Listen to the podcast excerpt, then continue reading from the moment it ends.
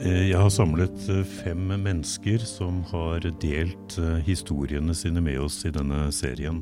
Det er Kristin Berg, Margrethe Willumrød, Asbjørn Gabrielsen og Hilde og Kåre Grimstad. Og ved siden av meg sitter også Kari Halstensen, som er psykolog ved Modum Bad, og som også har hørt de andres historier. Du hører på podkasten Å leve med tap, som er produsert av KAB med støtte fra stiftelsen DAM. Frank Tangen er programleder.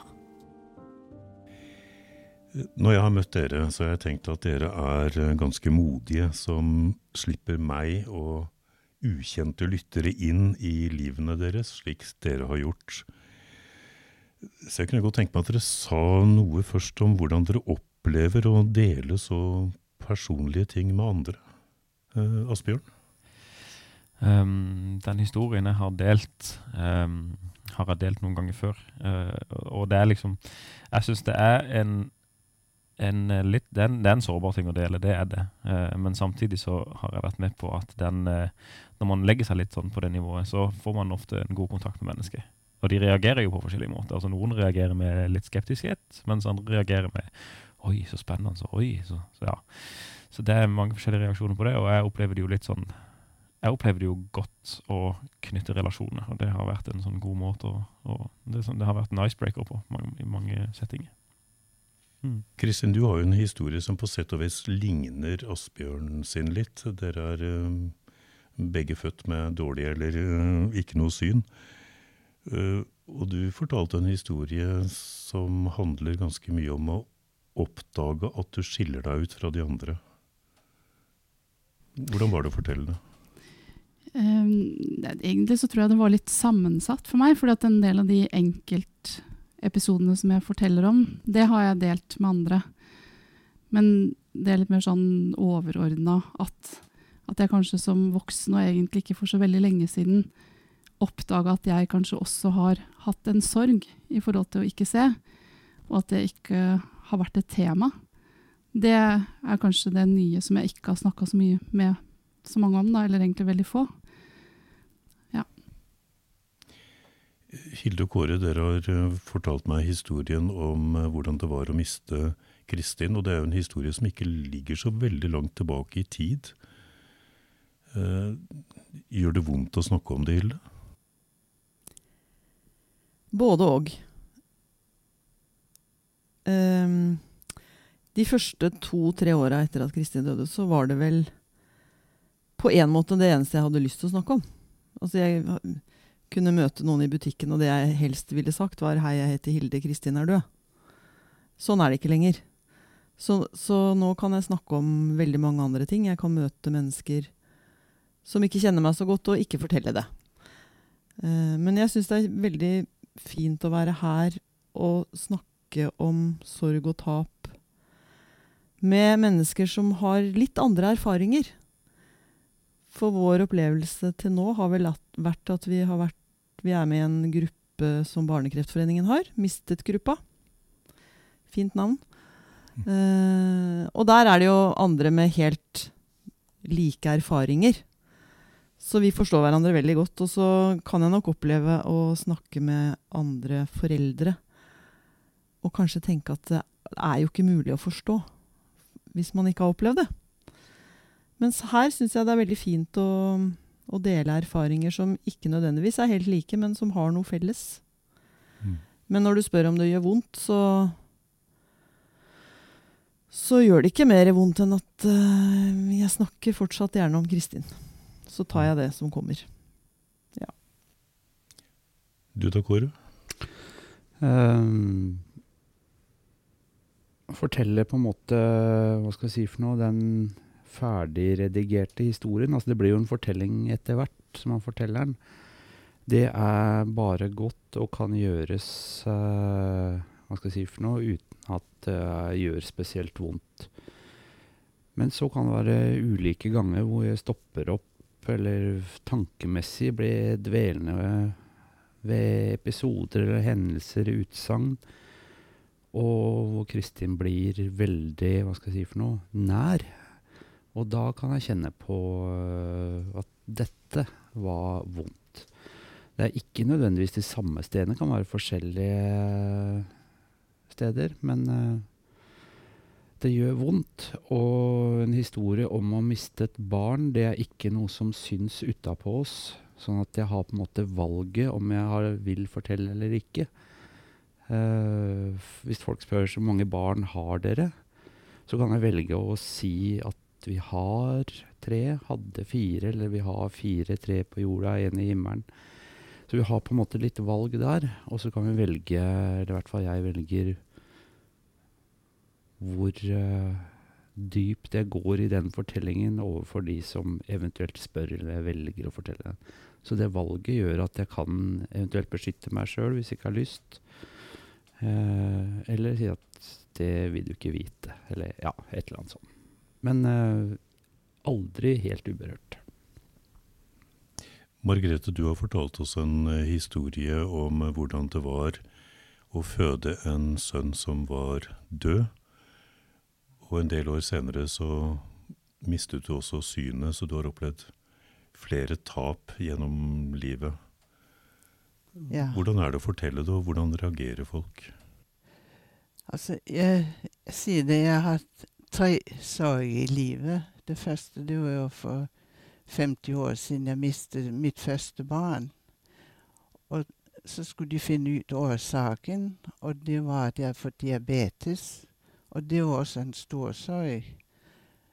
Og av diabetesen så mistet jeg synet etter 25 år. Og det er den ja, jeg vil si det er den største sorgen.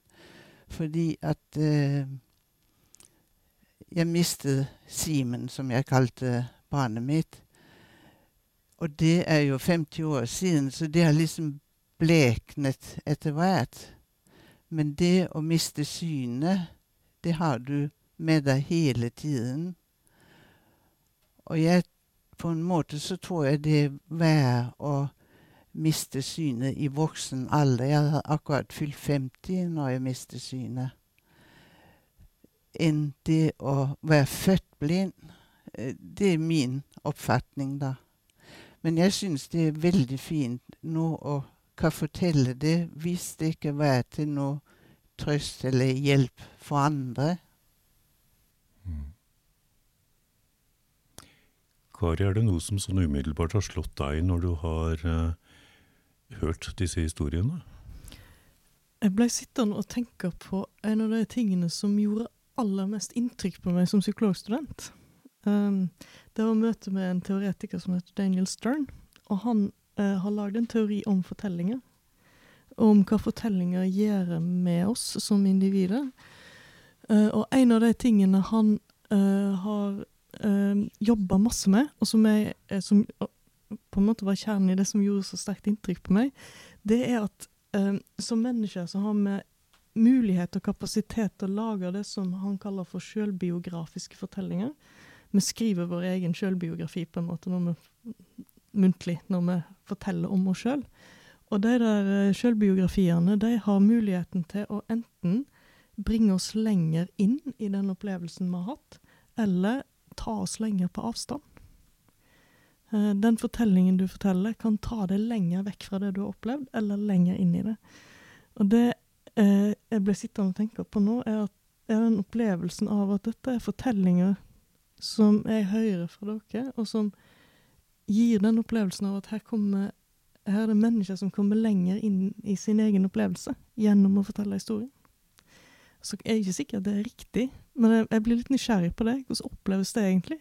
Oppleves det som å komme lenger inn i det som har hendt, eller er det en opplevelse av å komme lenger vekk fra det? Eller kanskje begge deler?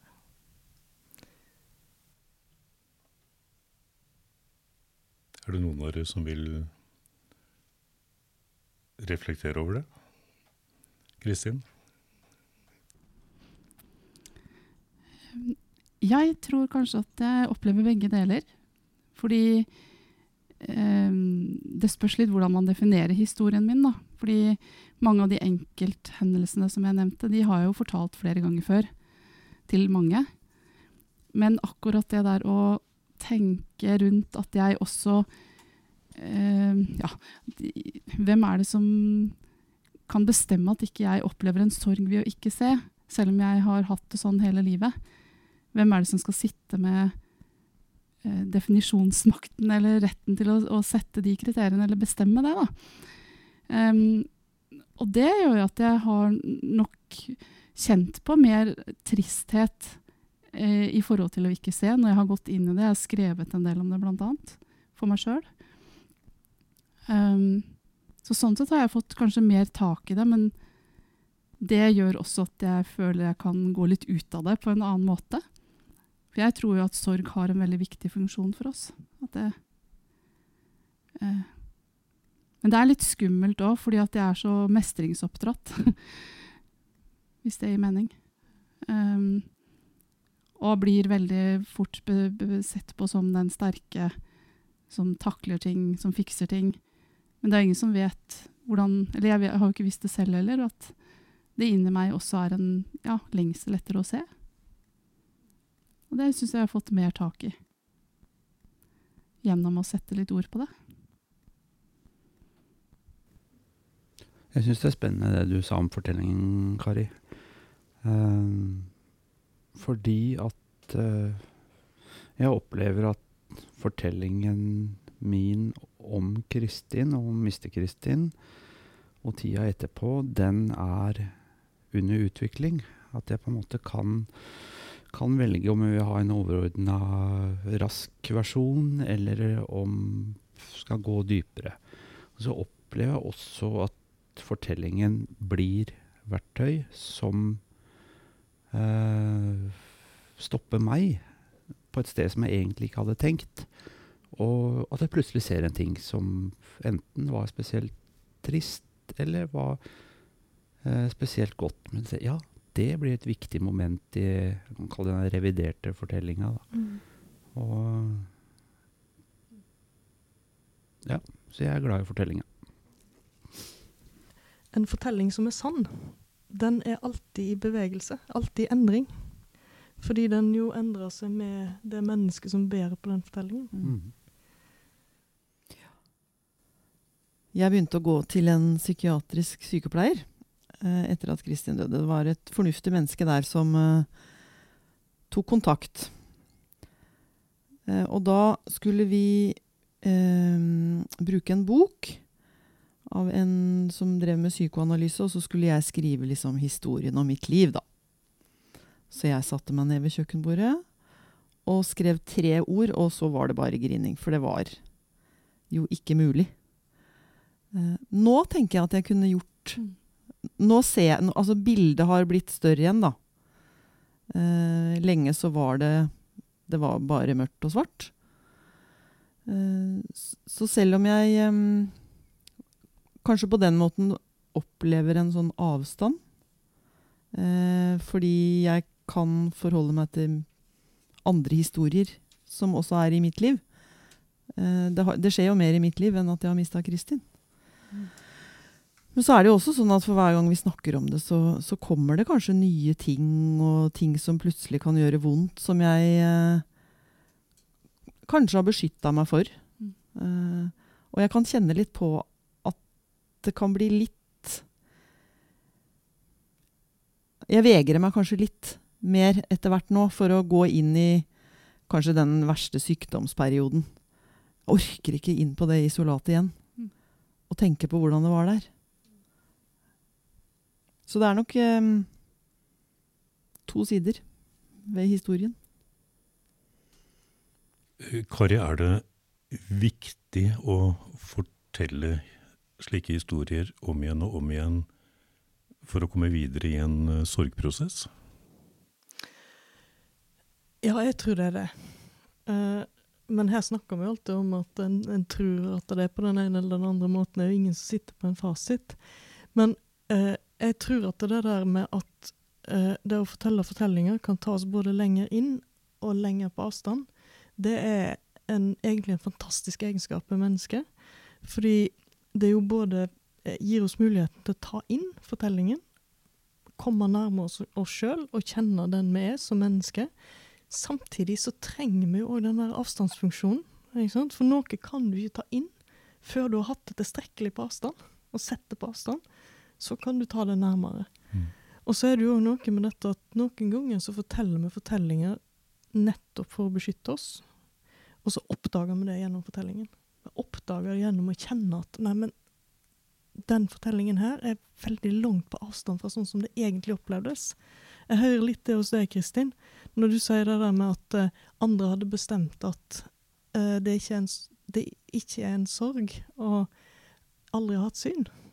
Så kjenner du at nei, men det er, ikke, det er jo ikke sånn. Gjennom fortellingen så kommer den opplevelsen som er din, på en annen måte. Mm. Det var det eh, som slo meg når du sa det. Eh, For det, det med at historien utvikler seg, eh, både gjennom tid og gjennom at du kanskje forteller den til noen forskjellige mennesker, det hjelper dem å reflektere over den på en annen måte enn det du har gjort tidligere. Så vil jeg jo tro at den historien utvikler seg. Ikke at den eh, Sannheten kan du si kanskje blir annerledes. altså Det som skjedde, det skjedde jo, men altså du får en annen Som du sier, ikke sant. altså eksempel med mobbing, da. F.eks. Når jeg ble mobba da jeg var liten så var det jo ikke nødvendigvis det jeg fortalte når jeg kom hjem til mamma og pappa. Da fortalte jeg jo egentlig noe helt annet, og at jeg hadde hatt det fint på skolen eh, til alle tider. Mens i etterkant så har jeg jo liksom fortalt samme historien annerledes, da. Da har jeg jo liksom kunnet gått mer inn i det og så si at eh, det som skjedde der, og det som skjedde med den personen, var faktisk ikke greit. Eh, og det som skjedde der, var, var vanskelig for meg. Eh, Så det er vel kanskje et eksempel på hvordan man kan på en måte komme seg litt unna hendelsen og litt mer inn i hendelsen. da. Vi, vi skal snakke litt mer om, eh, om dette med, med sorg og sorgbearbeiding, men jeg, jeg sitter med et annet spørsmål kanskje i første omgang til deg, Asbjørn. Mm. Eh, altså Når dere forteller deres historier, eh, er det ikke en fare at du blir identifisert med en mangel? Altså du blir han derre synshemma, Mm. eh, eller Kåre og Hilde blir de som mistet en datter. Og så overskygger de andre fortellinger du har. Ja. Og det, den, det er det jo, eh, sånn sett. Samtidig som jeg opplever det at eh, når jeg forteller den fortellinga jeg gjør, eh, og sånn som jeg gjør den For det er jo ikke liksom sånn Folk ser jo at jeg er svaksynt. Folk ser jo at det er noe eh, det er noe med øynene mine. Så når jeg forteller litt mer om det, og kunne dykke litt mer inn i det sammen med de jeg snakker med, så, så opplever jeg på en måte at, at kanskje den eh, det, det bidrar mer til å få den melkeklappen til å falle bort, da. Eh, for da kan jeg eh, Da kan jeg bli da, da hører de liksom åssen jeg tenker rundt det, i tillegg. Mm. Eh, og da opplever de kanskje litt mer, mer personen bak enn selve funksjonshemninga. Eh, og så tror jeg liksom det at jeg kan ha en eh, kan på en måte avslappe holdning til det sjøl, da, gjør at da kan de slappe litt mer av i forhold til det, de som jeg snakker med. da. Hvordan opplever du det, Kristin? Det varierer veldig. jeg har nok faktisk en del opplevelser av å være i enkelte sammenhenger hvor det er veldig mange synshemma, hvor jeg blir så bevisst på min synshemming at jeg nesten føler meg mer synshemma. Mens når jeg kommer til nye eh, miljøer, så er jeg så forberedt på at det vil komme en del spørsmål. Så det har jeg forberedt meg på. Sånn er det bare. Det er sånn en fase jeg må igjennom. Og så prøver jeg den og prøver å vise hvem jeg er så tydelig jeg kan. Og når jeg kommer over den fasen, så føler jeg ikke noe Da går jeg ikke og tenker noe på at jeg er synshemma. Eh, veldig ofte. Så det, det varierer for meg. Det kommer an på rammene rundt. Eh, men eh, det er jo veldig lett å føle at andre Å oppleve at andre setter den merkelappen på deg, at eh, hun, hun blinde moren. Mm. Så ja. Jeg vet ikke. Men du aksepterer det på en måte? At eh, det, det, er, det oppfattes som en del av identiteten din? Det oppfattes i hvert fall som en veldig tydelig merkelapp. Mm. eh, som ofte blekner når, når man bare kommer litt under Jeg tror ikke jeg kommer til livs det at andre vil legge merke til det med en gang. Så istedenfor å prøve å kjempe mot det, så prøver jeg heller å jobbe med det. Hvis man kan si det sånn. Mm. Men det betyr ikke at jeg eh, alltid syns det er like greit. Det kommer litt an på mengde spørsmål og sånn, men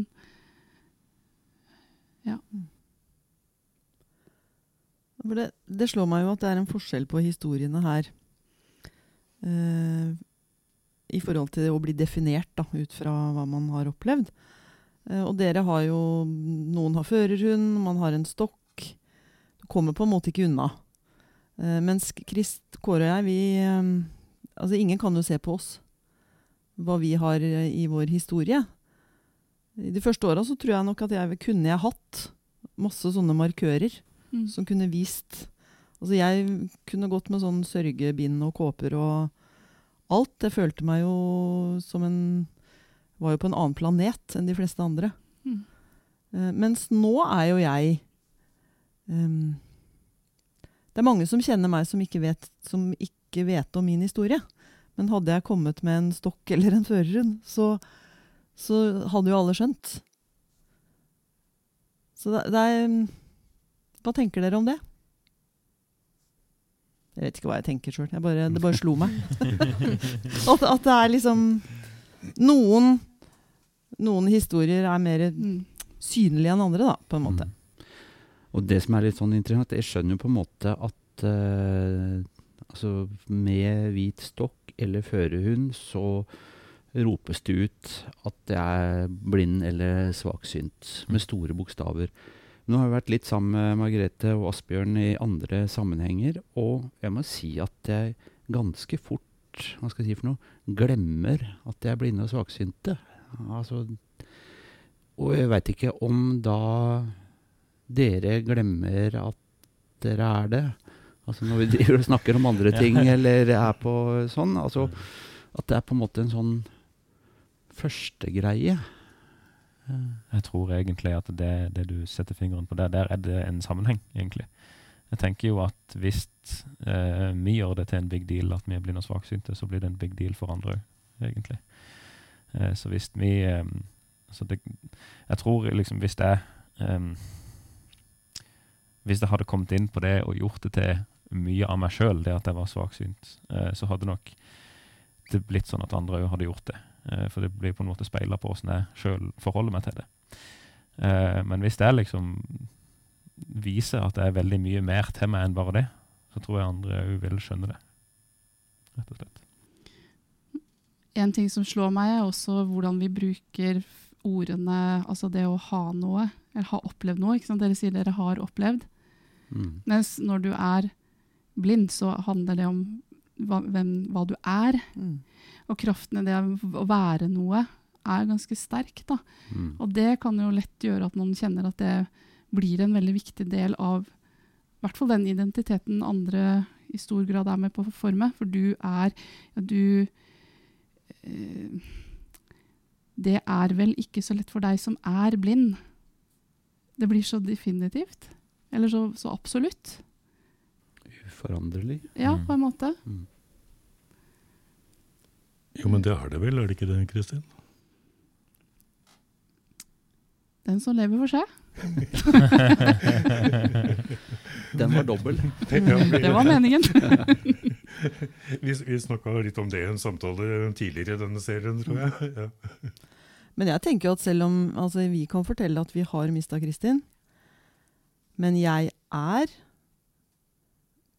en, nå sier jeg kanskje sørgende i litt sånn gåsetegn, mor. Mm. Og det kommer jeg alltid til å være. Mm. Så det her er ikke en sånn har opplevd noe som blir lenger og lenger borte. Det er fortsatt en del av min hvordan jeg er, og tenker jeg alltid Mm. kommer til å være. Mm. Men jeg kan nok lettere mm, slippe unna det i forhold til folk jeg møter, da. Altså det, det blir opp til meg å fortelle noe om det eller ikke. Mm. Men det er en stor del av mitt liv, og det Mm. vil det alltid være. Men det trenger ikke alle å vite, Nei. for det syns ikke. Jeg tenker vi skal gå videre og snakke litt om dette med, med sorg. Eh, Margrethe, du har jo fortalt oss historien da om eh, hvordan det var å eh, miste et barn allerede før fødselen, egentlig. Og du har fortalt oss uh, historien om uh, hvordan det var å få diabetes, og hvordan det var å bli blind. Er, var, det, var det forskjell på de sorgene? Det kan jeg ikke akkurat uh, si. Den, det som sitter igjen nå, det er jo det at jeg er blind. Og det er en veldig stor sorg. Uh, og der skulle jeg ønske at jeg hadde fått tilbud om ja, å, å få bearbeide den sorgen. Ikke bare jeg, men hele min familie. Akkurat nå så har jeg besøk av eh, yngste datteren min. Hun var 17 år når jeg mistet synet. Og hun har bodd i utlandet nå i mange år. Og akkurat nå er hun hjemme, og de to første dagene, da går det veldig bra. Men så kommer eh, Hva skal jeg si Da kommer det opp i den sorgen som hun har båret på i alle disse årene hun kan ikke riktig akseptere det at hun har en mamma der er blind. Og hun sier det, og det, det har såret meg mange ganger. Hun sier den gangen da mister jeg mammaen min. For jeg syns jo jeg er her enda. Mm. Men uh, i hennes øyne jeg, jeg, Hun har mistet den mammaen jeg var.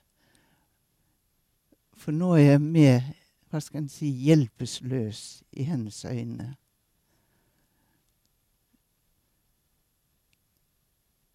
Så Men jeg, jeg satt og tenkte på, når det var snakk om eh, å bli inn eh, Hva skal en eh, Nå finner jeg ikke ordet. Altså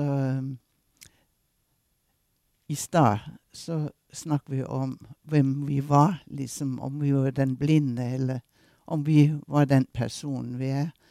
Eh, min, mitt barnebarn på 15 år, hun skulle skrive en stil. Og så kom hun og intervjuet meg. Og det siste spørsmålet hennes, det var Hvem vil du at vi skal huske du var? Og så sier jeg det kan jeg ikke akkurat si hvem jeg skulle ønske jeg var, jeg skal huskes som. Men noe jeg ikke vil huskes som, det er hun blinde bestemor. Mm. Det stempelet vil jeg helst ikke ha, for jeg mener at jeg er så mye mer enn en blind person. Mm. Du sa noe, Asbjørn, i stad som jeg lurer på om har litt sammenheng med det som du sier nå. Um, Margrethe. Det, du sa dette her med at eh, det fokuset du sjøl har på at du er svaksynt, mm. det påvirker den måten du blir møtt på. Mm. Og så slo det meg når du sa det, at jeg lurer på om det kan ha sammenheng òg med det du forteller om hvordan du ble møtt når du kom til kirka, mm. og du ble sett som noe helt annet enn blind. Mm. Eller eh, noe annet enn en han som ser dårlig. Mm. Du fikk den der eh, befriende opplevelsen av å være Asbjørn. Mm. Mm. Uh, og det jeg kan høre du snakke om nå, uh, Margrethe, er egentlig savnet etter den opplevelsen av å få lov å være Margrethe. Og etter at synet er tapt. Og den aksepten som ligger i det. Altså den aksepten av den du er, fra den andre. Men Kari, den opplevelsen Margrethe forteller om, det handler jo da også om at et uh, slikt tap som Margrethe har opplevd, det berører mange flere, og sorgen rammer flere. Og da er det flere som også burde få hjelp til å bearbeide det. Absolutt. Og det er jo òg en, eh, en, en Jeg sier ved det som kanskje er lett å overse. At her er det Ja, du, du mister noen, og noen som er nær, mister noe. Ikke sant? Det En mister den måten å være sammen på som en hadde før. Og så blir det en uh, utfordring knytta til det å finne en måte å være sammen på nå. Og så kan det noen ganger bli for vanskelig, faktisk. En hadde en måte å være sammen på, og så mista en den, og så ble det for vanskelig å finne en ny. Uh, og det kan jo òg handle om Eller det viser jo nettopp det behovet for å få hjelp til å lete etter nye måter å være sammen på. Mm. Altså, mine barn de syns at jeg er blitt så stakkarslig måten jeg prater på og Ja, måten Fordi at når de kommer hjem, så vil jeg jo gjerne stille opp for dem og, og gjøre som jeg gjorde før. Og det klarer jeg jo ikke. Og da så blir det til at jeg Ja, nei, jeg ser jo ikke så Ja, mamma, ikke si det hele tiden at du ikke ser. Det vet vi jo. Men det er en unnskyldning for at jeg ikke er den samme mammaen, kan si. Mm. Og det Jeg skal kanskje lære det, men det er vanskelig. Og du tenker at den unnskyldningen kan du forsøke å ikke bruke? Ja. De vet jo godt at ikke jeg ser, men uh, Og så blir jeg stakkarslig Mm. i deres øyne. Og før så var jeg jo den som kunne det hele. Stilte opp for dem. Hadde full kontroll. Mhm. Det har jeg. Ja. Men Margrethe, kan jeg spørre deg om en ting? For jeg blir litt nysgjerrig på hva slags, hva slags ting tenker du at du stilte opp på før som ikke du kan stille opp på nå? Ja eh, Ja, si det. ja, for det første så har jeg jo blitt en del eldre, og det glemmer mine barn, at jeg Mm. snart er 80 år. Og da har man ikke de krefter heller. Og eh, ja. Men også det når en ikke ser og Ja, jeg lager jo maten til Mm. dem. Det gjør jeg. Men uh, det er liksom så mange ting, og så blir jeg mye fortere sliten når vi er De kommer fem stykker. Så da er vi syv til middag, eksempel. Og så skal jeg drive og lage maten, og, og de vil gjerne hjelpe til, men da, da blir det bare virvar inni hodet på meg. Så det er liksom ja, Nei, jeg vet ikke. Jeg. Kom, kom igjen. Jeg bare ble litt nysgjerrig av det, fordi eh, sånn i forhold til det du snakka om i stad, Kari, om historier. Ikke sant? Hva vi forteller oss selv, og hva vi forteller andre, kan ta oss inn i og, og ta oss mer ut av historien. Og så tenker jeg det du sier nå, så lurer jeg på ja, men Hvis du hadde sett normalt, tror du ikke også at du ville opplevd situasjonen annerledes nå enn for 30 år siden? Jo, det tror jeg. For det er også noe med alderen å gjøre. For jeg hørte i går du sa du passer barnebarn, jeg hører at du lager mat, men du sier allikevel at jeg kan jo ikke stille opp for dem sånn som før. Nei. Og det blir jeg litt nysgjerrig av, for jeg kjenner at jeg vet ikke om jeg er helt enig med deg. Nei, men det har nok noe med alderen å gjøre òg, altså. Mm. Det, og hun som har bodd i utlandet nå i snart 30 år, hun har ikke opplevd aldringsprosessen. At man etter hvert blir mindre mobil, holdt jeg på å si. Mm. Nei, jeg, jeg baker jo kake til de kommer, og jeg plukker solbær i haven. Og så jeg, Jeg, prøver så godt jeg kan. jeg syns du skal si det mer til deg selv, hva du gjør, ikke hva du ikke gjør. det høres ut som du gjør en hel masse. Hilde og Kåre, eh, det er en ting jeg er litt nysgjerrig på etter å ha snakket med dere. Eh, For dere deler jo på en måte den samme historien, og dere opplevde det samme samtidig. Eh, Men ble sorgen den samme? Var sorgprosessen den samme, eller ble det veldig forskjellig? Det ble nok forskjellig. Det har vi vel sagt litt om Mm. eh, tidligere. Kåre ble en sånn fikser eh, som måtte prøve å reparere alt som gikk i stykker.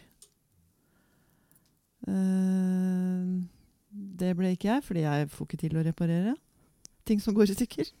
Så det hadde vært en dårlig strategi, for å si det sånn. Um, men det er klart, altså Vi er jo forskjellige. Det har vi jo alltid vært, og det er vi jo også i en sorg. Men, men selv om vi har hatt forskjellige måter kanskje å håndtere det på i hverdagen, så har vi um, klart å snakke med hverandre.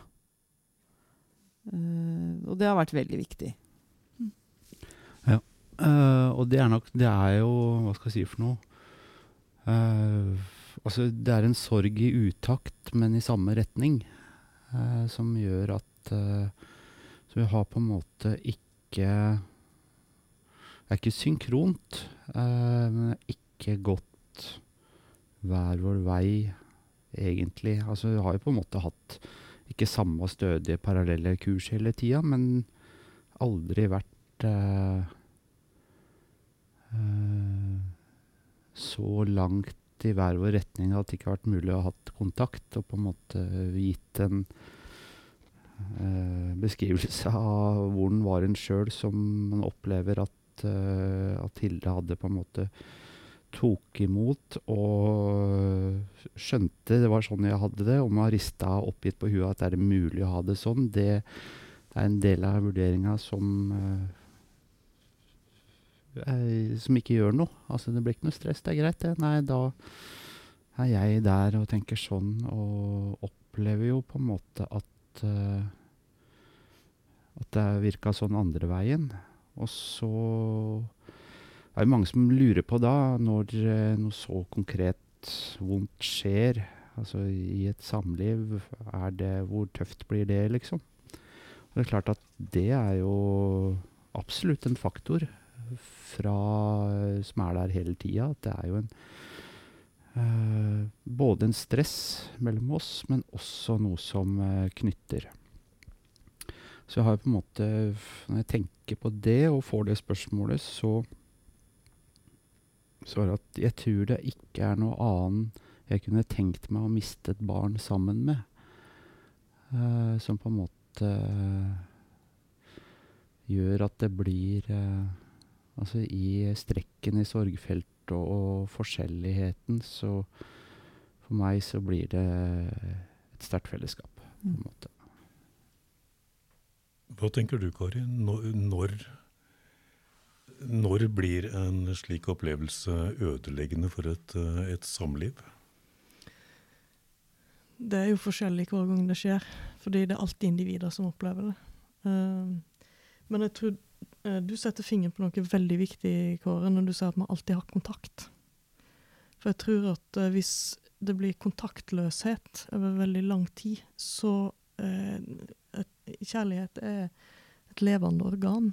Eh, og det må puste, og det må ha en tilførsel av kontakt. Ellers så mister vi det. Og det der eh, at dere har klart å kommunisere og sende signaler fra de ulike sorgposisjonene, eh, det tror jeg helt sikkert har vært kjempeviktig. Og så tror jeg òg at eh, Vi snakker hele tida om at det er så vanskelig at en sørger forskjellig. Men det har jo òg et potensial i seg. For hvis dere sørger helt likt, så ville dere jo lettere kunne gå inn i noe som ble sånn for, eh, gjensidig forsterkende. Mm. ikke sant? Nå bringer dere inn noe i hverandres sorg. Og det blir, det vever seg en sånn liksom felles Det er veldig fint egentlig å høre det der med at jeg kun, dette kunne ikke ha gjort sammen med noen andre. En vever sammen en fortelling om det livet som ble etterpå. Uh, og den kunne ikke ha vært som den er uten de to bidragene, som er forskjellige. Så det er jo òg noe av det der som er men menneskelig og fantastisk. At vi faktisk kan det. Sende signaler på tvers av forskjellighet, og så skjer det noe som, som blir noe som en kan leve videre med. Mm. Så det var et langt svar på spørsmålet, men, Nei, men det men jeg tror, at, altså, jeg tror kanskje at det, det viktigste som jeg har sett, er den kontaktløsheten. Mm. Når den varer for lenge. Mm. Den, den er jo ikke kritisk i seg sjøl, det er helt naturlig at det skjer. Men når det blir Når det varer lenge, så skjer det noe med relasjoner mellom mennesker. Asbjørn, eh, Kristin beskriver uh, hvordan hun har opplevd det å være født uten syn som en sorg. Mm. Eh, Kjenner du deg igjen i det? Vil du si at du også har vært gjennom en, eller er igjennom, eller bærer på en sorg? Ja, det vil jeg si. Eh, og jeg syns, eh, jeg syns hun sa det så utrolig bra eh, på sin episode. For det hun, hun sa det så godt, og det har jeg aldri egentlig klart å sette ord eller si sjøl. Det er jo det at liksom mange tenker at vi som har blitt født eh, sånn, vi vet ikke hva vi går glipp av. Og det sa hun at jo, men det gjør vi, egentlig. Eh, og det er sant, for det ser vi jo bare på hva andre får med seg. Eh, det er jo egentlig det. Eh, Mm. Så man, man, man merker definitivt mye til det. Man har, som du sa, et helt annet bilde av det. Eh, det vil jeg tro. Men man, man skjønner jo at ja, man, man går glipp av en del ting. Um, og for min del så, så har jeg definitivt den sorgen. Og eh, jeg har liksom måttet for min egen del se at jeg har en spenning i meg på det området. For, og det har litt sånn med historien min å gjøre. Eh, for jeg fortalte jo det at jeg nesten mista synet helt. Mm. Um, så for meg så, og det, det var noe av det viktigste jeg lærte i teologi- og psykologistudiet mitt, det var liksom det at det går faktisk an å kjenne på mye rart samtidig. Det er ikke bare sånn at man kjenner på én følelse samtidig. Eh, og for meg så er det sånn at jeg går og sørger over at jeg ikke ser så godt, samtidig som jeg gleder meg over at jeg faktisk ser noe. Eh, og den spenninga er veldig rar, egentlig. Og det er sånn der eh, Av og til er glasset eh, halvfullt, og av og til er det halvtomt. Og egentlig så er det begge deler samtidig. Altså det, er liksom, det er en veldig veldig tydelig spenning i meg. Og det er, ja, den spenninga er både på godt og vondt, for å si det rett ut.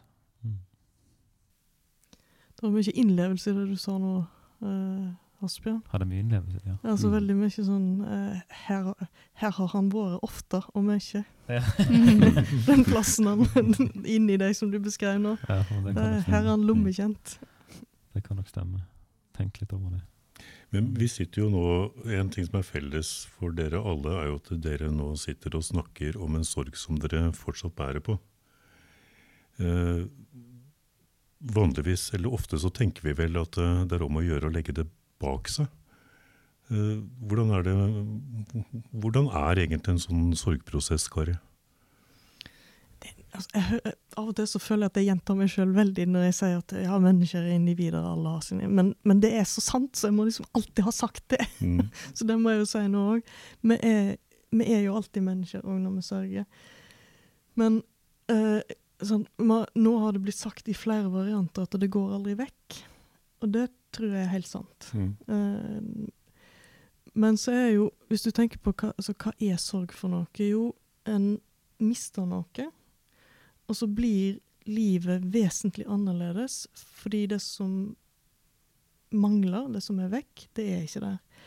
Og sorg er jo egentlig den prosessen som setter oss i stand til å ta imot det livet som kan bli, uten det som var før. Eh, Det er spe kanskje spesielt lett å skildre det i forhold til det at du mister et menneske og mister en relasjon. Du hadde tenkt at livet skulle fortsette sammen med den som er vekk, og så skjer ikke det. Og så må en gjennom en sorgprosess for å kunne ha et liv uten den som ikke er der. Og det, kan en, det samme kan en jo si om veldig mange tap. Og det som da er sorgens kraft og funksjon, er jo å kunne være med på å forberede den for å sette den i stand til å kunne leve videre. For når det er en sorgprosess som ikke klarer å ha den funksjonen, det er det vi kaller for en fastlåst sorg. Da blir en stående uten å kunne åpne de mulighetene for å ta imot et liv som ble så annerledes enn det som en i utgangspunktet så for seg. Jeg vet ikke om det var, ga mening i forhold til spørsmålet du stilte. Men Jo, jeg, liksom jeg, tror, jeg tror egentlig det. Jeg vet ikke om det er noen andre som vil kommentere det. Kristin lener seg frampå her nå. Eh, jo, fordi nå kjenner jeg litt på at du snakker om sorg sånn som, sånn som veldig ofte sorg blir fremstilt. Og da rommer ikke den min erfaring. Fordi jeg har jo ikke da opplevd det konkrete tapet. Det skjedde i så fall før jeg ble født. Eh, og jeg tror at den, ja, den måten som jeg har oppdaga, kall det det triste, det har ikke vært gjennom en sånn Jeg kan ikke tidfeste det. Jeg kan ikke si at jeg mista synet på det og det tidspunktet. Eller led et tap. Jeg er født med et synstap. Um, og, men jeg tror jo hvis ikke vi som er født med en funksjonshemming, også får lov til å være inne i det rommet og få hjelp til å, å, å sette ord på de tingene som oppleves vanskelig, alle de gangene man føler seg dum, mister kontroll, hvis ikke vi får hjelp til det, kall det sorg, kall det noe annet, så tror jeg det fastlåste kan ødelegge like mye for oss. Og, og nå har jeg jobba med rehabilitering i veldig mange år. Og det er akkurat det jeg syns jeg ser. At veldig mange har ikke fått den hjelpen. Og det gjelder meg sjøl òg. Derimot så er jeg blitt uh, oppdratt med at mine foreldre de hadde en sorg. Det er anerkjent at når man får et barn med nedsatt funksjonsevne, som heller ikke er et tap Du får et barn som er annerledes enn det samfunnet har definert som bra nok eller standard. Da får foreldrene lov til å kjenne på sorg. Og for meg har det også vært en byrde, at jeg skal kjenne på at mine foreldre fikk en sorg ved å få meg. Det blir på en måte en dobbel byrde for meg. Det er veldig viktig å høre deg sette ord på det du sier nå, Kristin. For det, jeg òg kjente på det at uh, når jeg skulle beskrive sorg i stad, så fikk jeg ikke skikkelig plass til uh, det, det, som uh, ikke har vært der fra, fra, begynnelsen av. Men du sa noe i stad som jeg la merke til, nettopp inn i det perspektivet. Du sa noe om at du hadde oppdaga sorgen din. Ja. Og det tenker jeg at det er en sånn der Det er en en viktig påminnelse om at uh, vi må skape det rommet som gjør det mulig å oppdage sorgen. For det er vel kanskje sånn at uh, det er nødvendig at du oppdager den og forteller oss om det. Vi kan forstå at den er der, men vi trenger å høre din fortelling for å kunne skikkelig skjønne hvordan det er. I den grad det er mulig å skjønne hvordan det er for den som står på utsida av det. Hm. Jeg lurer på, Har du noen gang drømt at du så? At du plutselig våkna og så, og så Å nei. Ja, det har jeg nok. Ja. For det er et eller annet med den derre hverdagspåminninga om sorgen mm. som er så innmari konkret. I hvert fall ved å ikke se eller i forhold til å ha mista et barn, så uh, Det trenger jo ikke være det første han tenker på om morgenen. Nei. Og jeg tror kanskje at min sorg, som jeg nevnte litt i det intervjuet, at det har vært litt sånn spredd utover hele livet. mm. Da jeg oppdaga at de andre kunne løpe fortere enn meg, eller slippe hånda til de voksne fordi de så veien mens jeg måtte fortsette å holde i hånda. Mm.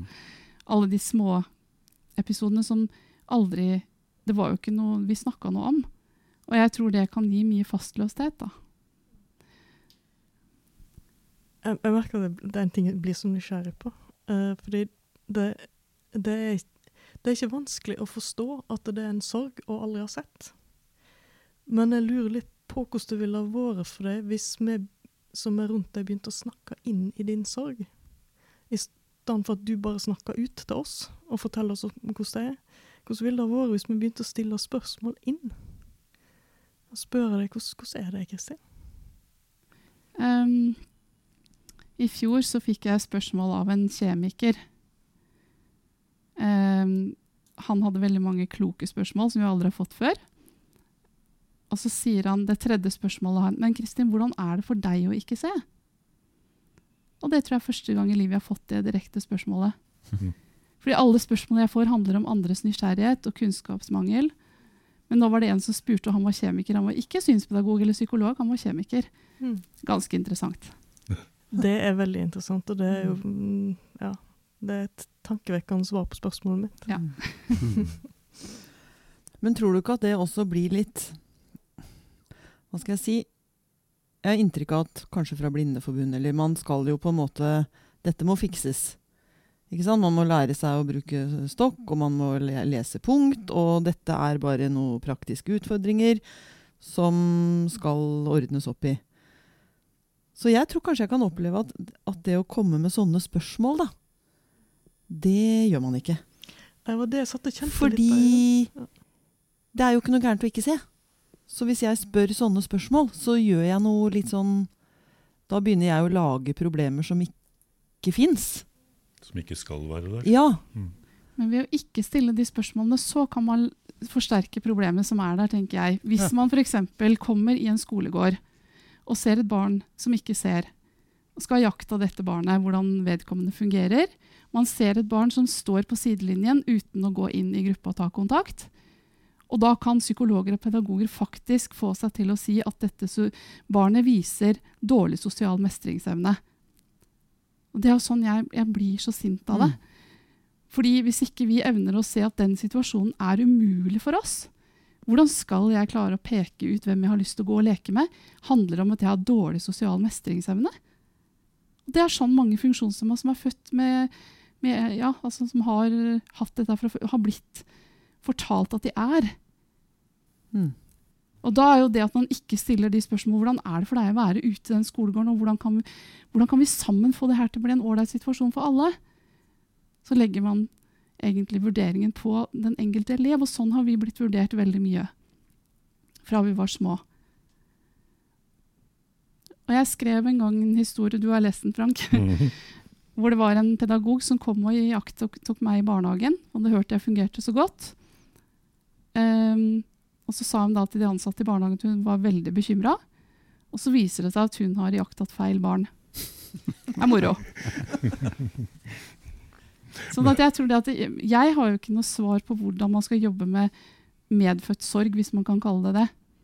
Men jeg kjenner at det er noe som mangler i både altså, hvordan fagpersoner møter dette, og hvordan vi får hjelp. For jeg tror hvis jeg hadde fått hjelp til å liksom, kjenne ordentlig at det å stå i en skolegård med hundrevis av elever, er jo, det er jo umulig. Jeg kan jo ikke klare det. Altså, eller situasjonen er umulig, det er ikke jeg som er umulig. Så tror jeg det kunne hjulpet meg. Mm. Vi er avgjort inne på et veldig viktig eh, tema her som vi må snakke mer om en annen gang. Men jeg, jeg må nesten bare tvinge dere over på et tema til som står på, på lista før vi slutter. For den store løsningen på alt dette her blir jo, i noen religiøse kretser i hvert fall, eh, presentert som helbredelse. Eh, I andre sammenhenger så kan det jo være ulike mirakelkurer eller um, meditasjonsteknikker eller hva det måtte være som skal løse, løse problemene. Eh, Margrethe, da vi prata litt sammen før vi starta opptaket i stad, så bare sa du at ja, men det der er et veldig vanskelig tema. Hva, hva syns du er vanskelig med dette med spørsmålet om helbredelse ved bønn? Jo, for jeg opplevde når jeg var på Rikshospitalet og tok øyeoperasjon og satt der og ikke så, så kom det et menneske og lurte på om hun skulle be for meg. Og jeg turte ikke å si nei, og hun ba for meg. Men jeg ble jo ikke seende for det. Og da følte jeg jeg er for lite troende. Mm. Det ble et problem for meg da. Ble det sagt, eller var det bare noe du følte? Det var noe jeg følte. Mm. Asbjørn, du har jo brukt dine egne erfaringer her eh, langt på vei som grunnlag for en masteroppgave om helbredelse. Det, det snakka vi jo om i intervjuet med deg også. Mm. Eh, men er det ikke et eller annet som blir forferdelig ulogisk her, når man i enkelte kristne kretser er så opptatt av helbredelse, og samtidig så har vi vel ingen eksempler, ingen kjente eksempler på at eh, blinde er blitt seende? Eh, det er helt sant. Og, og det er liksom um, Det er jo ikke bare det der med at det er vanskelig liksom, altså, Dette med helbredelse, det tror jeg jo skjer, men at det skjer alltid, det gjør det jo absolutt ikke. Det er jo eh, det, det kjenner mange som er gode eksempler på, for sånn. Eh, og så tenker jeg jo at liksom, når det er sånn som det er, da, så er jo dette et ekstremt sensitivt tema. Eh, Det er jo liksom det på en måte at vi vi som kristne vi skal tenke at helbredelse går an, og så skal man òg samtidig med på at det absolutt ikke alltid skjer. Og Særlig når man er i den gruppa som eh, kanskje, ja, som man snakker om, vi har, synlig, vi har en synlig funksjonshemning. Eh, om vi da begynner å bevege oss inn i menighetslivet, så kan det være eh, fryktelig vanskelig. Eh, og det kommer jo man, som en, på en måte Når man beveger seg litt rundt omkring i menighetslivet, så blir man møtt på veldig mange forskjellige måter. Og menigheter og pastorer forholder seg til dette med helbredelse på veldig mange forskjellige måter. Eh, så det er Og det er sånn som du opplevde der med å bare bli spurt om å eh, bli bedt for, eh, når du er på en måte Kanskje egentlig på, den, på, på, ditt mest sårbare, for å si det på den måten. Det er jo eh, Ja, rimelig ballsy, tenker jeg. Det er ikke helt bra. Eh, så det er liksom Ja. Eh, og da er det jo vanskelig for deg å si nei. Det skjønner jeg godt. Altså det da er man liksom på sitt mest sårbare. Men, jeg har lyst til at vi snakker litt om akkurat det. fordi vi kan godt la de teologiske spørsmålene ligge her. Eh, men det mange av oss som kjenner eh, mange synshemmede, eh, vi opplever vel at nesten alle vi møter som har vært i kontakt med enkelte kristne menigheter, har vært utsatt for akkurat slike historier som Mm. noen av dere forteller. Altså at noen nærmest påtvinger dere en forbønn eller en håndspåleggelse som dere ikke har bedt om. Eh, Har vi noen råd å gi til de som hører på oss om hvordan de skal forholde seg? Har du opplevd det, Kristin? Ja da, det har jeg. Men uh, ikke, ikke mange ganger. Det, um, og jeg tenker det beste rådet er prøve å ta litt lærdom av hva Jesus gjorde. Hva gjorde Hva vil du at jeg skal gjøre for deg? Selv om det var aldri så åpenbart hva folk kom for. Ja, det var det han sa til Bartimeus, som Ja. var født blind. Han Ja. stilte også spørsmålet 'Hva vil du jeg skal gjøre?' Mm. Mm. Da blir man sett. Eller vil du? Mm. Men hvis noen ikke stiller det spørsmålet, men bare forutsetter at de vet hva du vil Jeg er jo litt sånn skrudd sammen at da blir jeg sint. Faktisk. Ja, Jo, men er det det man bør bli? Det skal ikke jeg si hva man bør bli, men for meg Jeg føler, jeg føler at det er veldig krenkende. Fordi da blir, da blir igjen denne identiteten at de ser en ting og tror de vet hva jeg vil. Og hvem er de som vet hva jeg trenger eventuelt forbønn for? Um, da føler jeg meg ikke sett i det hele tatt. Og det syns jeg er krenkende. I hvert fall i en sånn sammenheng. Jeg forventer ikke å bli sett alltid. Men altså, hvis det er noen som kommer og spør om, eller tilbyr seg å be for meg, så mm, ønsker jeg jo at, å bli sett. Mm. Og jeg er i stand til å si svaret selv, tror jeg. Eh, og jeg tenker jo det liksom at når, når man får det spørsmålet, så tenker jeg liksom at som du sier, man har all grunn til å bli sint, egentlig. Altså i hvert fall eh, når det blir gjort på, eh, på den måten som du just beskrev. Eh, så, så er det liksom Det er ikke greit, og det er lov til å bli sint. Eh, men så er det når, når, når det inntreffer, da, eller når det skjer, så er det så vanskelig å bli sint. Fordi at man blir så satt ut av det. Mm. Eh, man kan i hvert fall fort bli satt ut av det. Og hva, hva gjør man, liksom? Eh, og da er det fort å bare gå med på det. Altså Det er liksom fort liksom bare å liksom dulte med. Eh, for det er den letteste løsninga der og da. Og så etterpå så kjenner man at oi, dette var ikke bra. Eller dette, nå gjorde jeg noe som egentlig gikk imot min vilje. Og jeg tror det er det som er altså, hovedindikatoren på at noe, noe galt holder på å skje her. Det er liksom det at med en gang bønn blir noe som på en måte skjer mot ditt samtykke, eller mot din vilje, da. Altså Selv om du gir ditt samtykke, men allikevel kjenner på at dette her vil jeg egentlig ikke. Når man kjenner på det, så må man, må man eh, Og det er ikke lett, altså. Dette her er ikke lett å si, men så må man være, prøve, å, prøve å bremse så godt man kan. Mm. Det tror jeg, altså. Og der er vi også forskjellige, tenker Ja. jeg. Så det er jo ikke noen sånn riktig måte å reagere på. Nei. Men i hvert fall det å tillate seg å kjenne etter at Om jeg ikke klarte å si noe, men kjenne etter at det her ikke var greit, Mm. tror jeg i hvert fall er viktig. Det må jo være veldig ålreit, det å kunne for å si at det ikke er ukristelig å si nei takk til forbønn. Mm. Altså Hvis en opplever at det blir gærent. Jo, Men i men opplevde dere noe sånt i denne, Nei, denne perioden? jo, jeg, jeg gjorde jo det. Altså, det var lapper i postkassa øh, og sånn. Merkelig. Opplevde Noe opplevde vi veldig greit. Altså, du visste jo at folk ba. Lapper i postkassa? Og, ja, og med tilbud fra spesielle menigheter da, som hadde litt lettere tilgang til resultater enn øh, tradisjonelle menigheter. Uh, og, og kjente det Nei, ligg unna. Uh, sånn at det er klart at uh, Men det jeg satt og tenkte på når dere prata nå, var jo at det å være blind, svaksynt, døv, lam, spedalsk Det er liksom sånne markør... Eller død. Det var sånne markørgreier i uh, Nytestamentet. Mens det står lite om gluten og kreft. Sånn at vi ligger jo på en måte litt under uh, radaren. Eh, sånn der. Så det er jo ikke så åpenbart, men det er jo sykdom. Folk skjønner jo at det er alvorlig, da. Men det, det er nok en ekstra trigger når du kommer med hvit stokk. Altså at noen oh, får ja. litt ekstra tenning. Oh. Mm, mm. ny Bartimeus i Norge. Tenk så gøy det hadde vært. Mm. Veldig mange som gjerne vil få til det. Men dette er overgrep, eh, Kari? Det er det absolutt. Og uh, jeg, jeg, um, jeg syns det er veldig godt å høre om det sinnet.